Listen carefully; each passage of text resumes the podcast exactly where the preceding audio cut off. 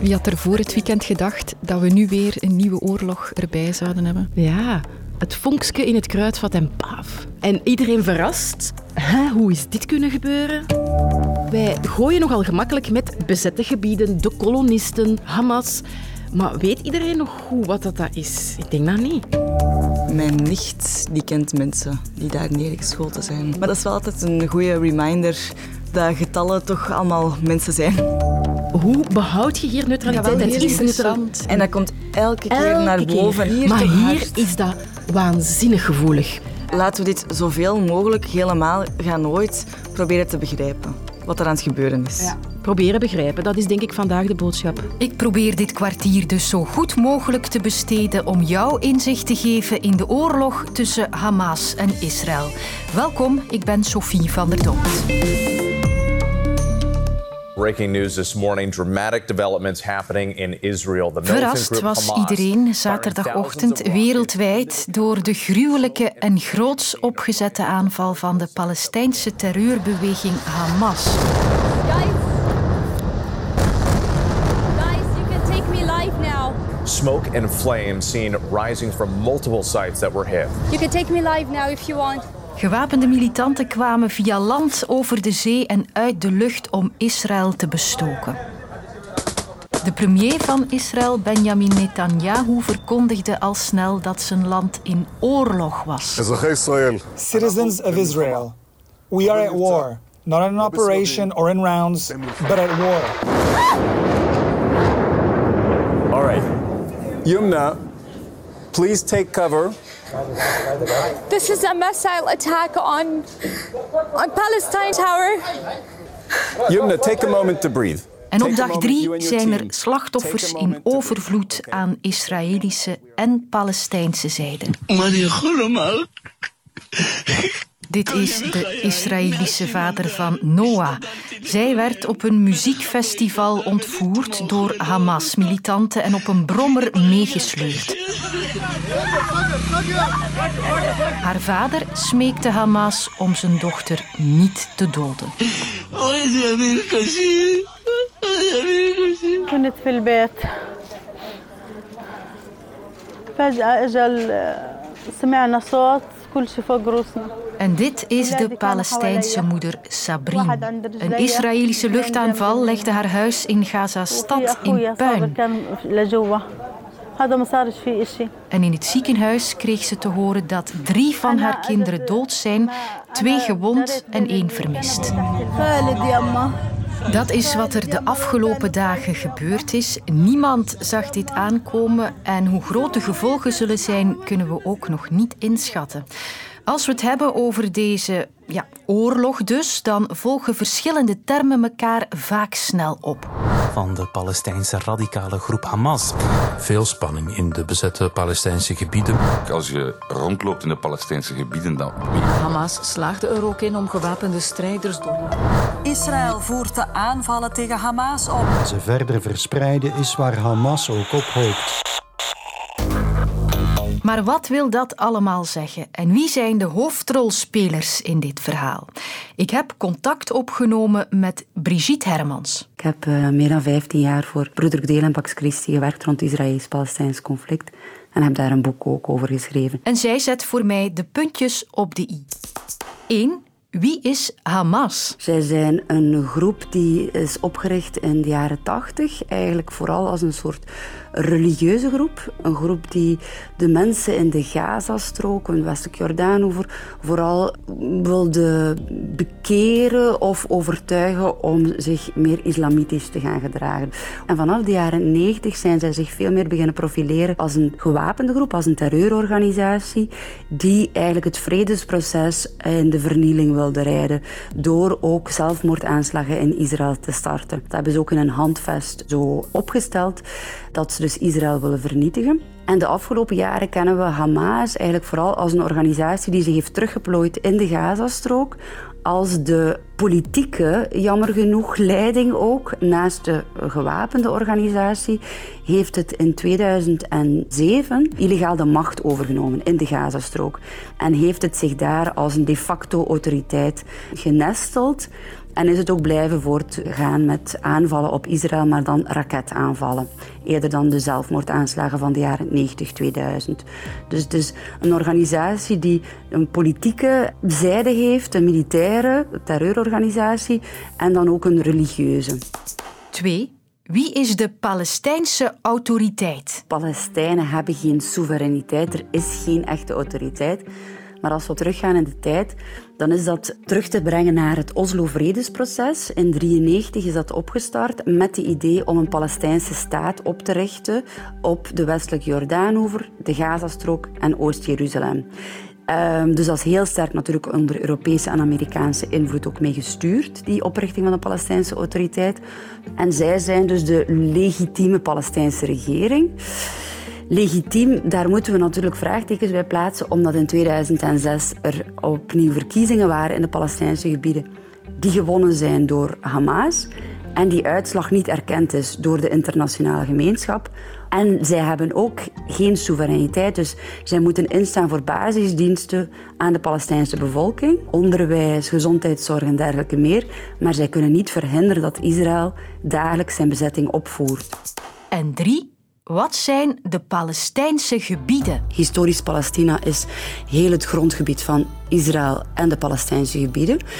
Dat voor de oprichting van de staat Israël in 1948 onder het bestuur stond van de Verenigde Naties, van de Britten. En na de oorlog van 1948, dus de eerste grote Israëlisch-Arabische oorlog, heeft Israël zich gevestigd op 78% van historisch Palestina.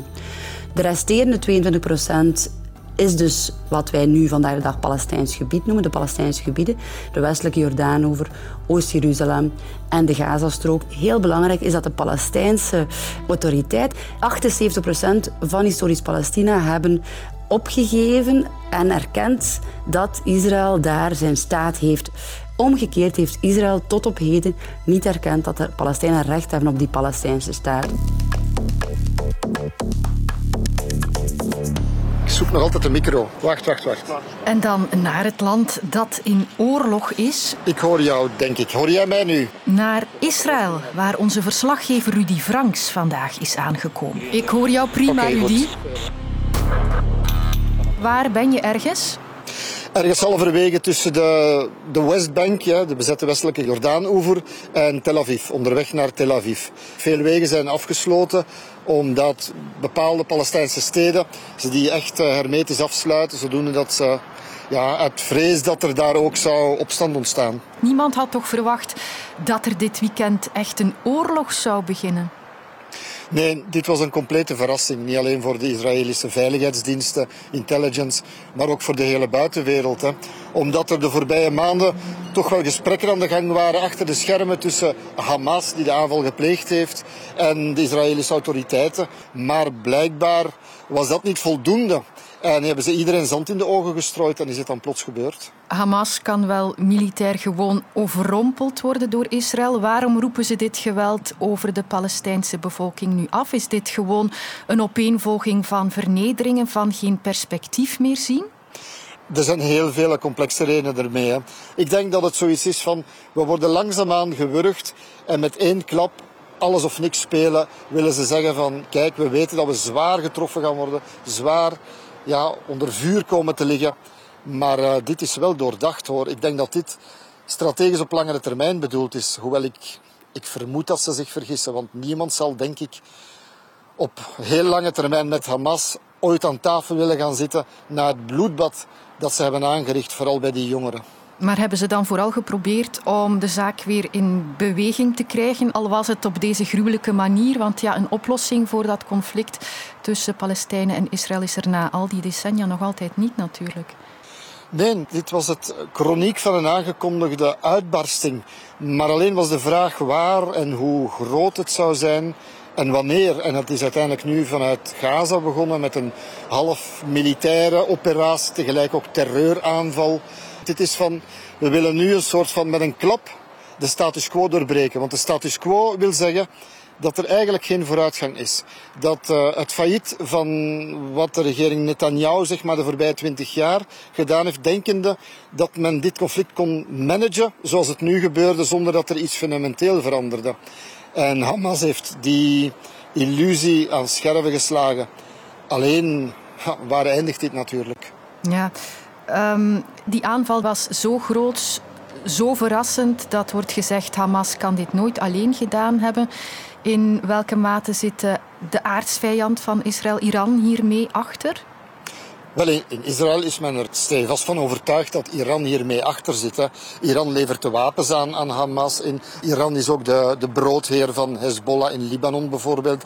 Er zijn wat coördinaties en overleg tussen ja, de militante extremistische beweging Hezbollah in Libanon, die ook al wat afgeschoten hebben, en Hamas. Um, de Iraanse minister is ook in Libanon geweest begin van de maand, vorige maand. Dus men vermoedt de hand van Iran daarin. Hè. Zij waren ook heel snel om deze operatie toe te juichen. Nu moet je wel stellen dat gisteren Iran verklaard heeft, formeel, dat zij dit niet in gang hebben gezet, dat zij dit niet leiden. Maar ja, voor wat dat waard is natuurlijk.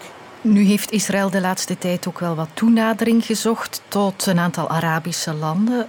Voelde Hamas dat de Palestijnen wat in de steek gelaten waren? Ja, dat speelt heel zeker mee. Um, zowel voor Hamas, die vrezen geïsoleerd komen te staan, um, omdat Saudi, de Verenigde Arabische Emiraten hebben al bijvoorbeeld een akkoord met Israël gesloten. Als Saudi-Arabië de, de, belangrijkste, de zwaarste stem dat nu ook zou doen, dan zouden de Palestijnen en dus Hamas zich vergeten voelen. En ik denk dat het de beslissing was om dit hele spel te doorbreken. Dus zowel militair, maar dus ook diplomatiek, hopen ze op deze manier de Arabische regimes voor de keuze te stellen. Steun je ons, de Palestijnse broeders, of uh, steun je Israël? En Saudi-Arabië heeft al een beetje teruggekrabbeld. Ze hebben al gesproken over dat het, de onderdrukking van de Palestijnen, dus het, gebruikelijke discours is terug boven gekomen. Zij hopen misschien ook dat er in de Arabische wereld de straat gaat uh, zich beginnen roeren om voor de Palestijnen op te komen. Ze spelen hoog spel, maar ik denk dat ze daarop mikken. Oké. Okay. Dankjewel Rudy. We gaan het daarbij laten. Ik hoop dat jij je werk daar zo veilig mogelijk kunt doen de volgende dagen. Dankjewel. Bye bye. Veel succes. Dag.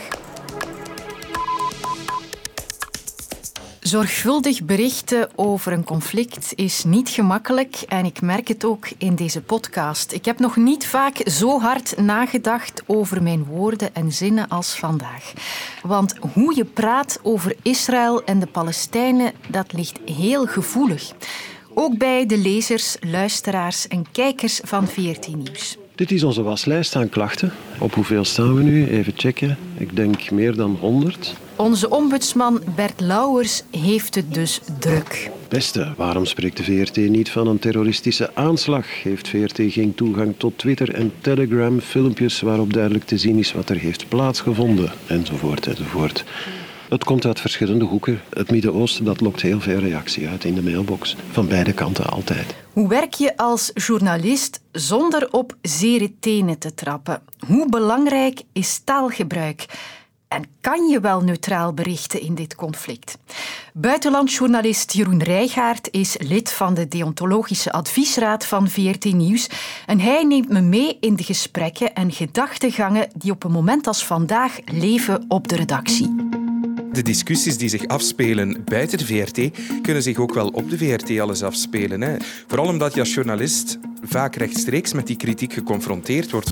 Je moet er eigenlijk wel over praten. Ik denk als je als redactie stopt met erover te praten, dan heb je pas een probleem. Als je dan het verwijt krijgt van ja, je bent veel te mild voor die kant of veel te mild voor die kant en je hebt zelf eigenlijk geen goede uitleg dan maak je het jezelf als redactie natuurlijk uh, niet gemakkelijk. Hè? Dus uh, daarom worden inderdaad op bepaalde momenten sommige dingen afgeklopt en gezegd van kijk, vanaf nu is dat onze lijn, wij zeggen het zo, maar dat doen we dan altijd met een zo goed mogelijke, liefst wetenschappelijke uitleg. Wij gebruiken de Palestijnse gebieden omdat dit ook gewoon de officiële naam is.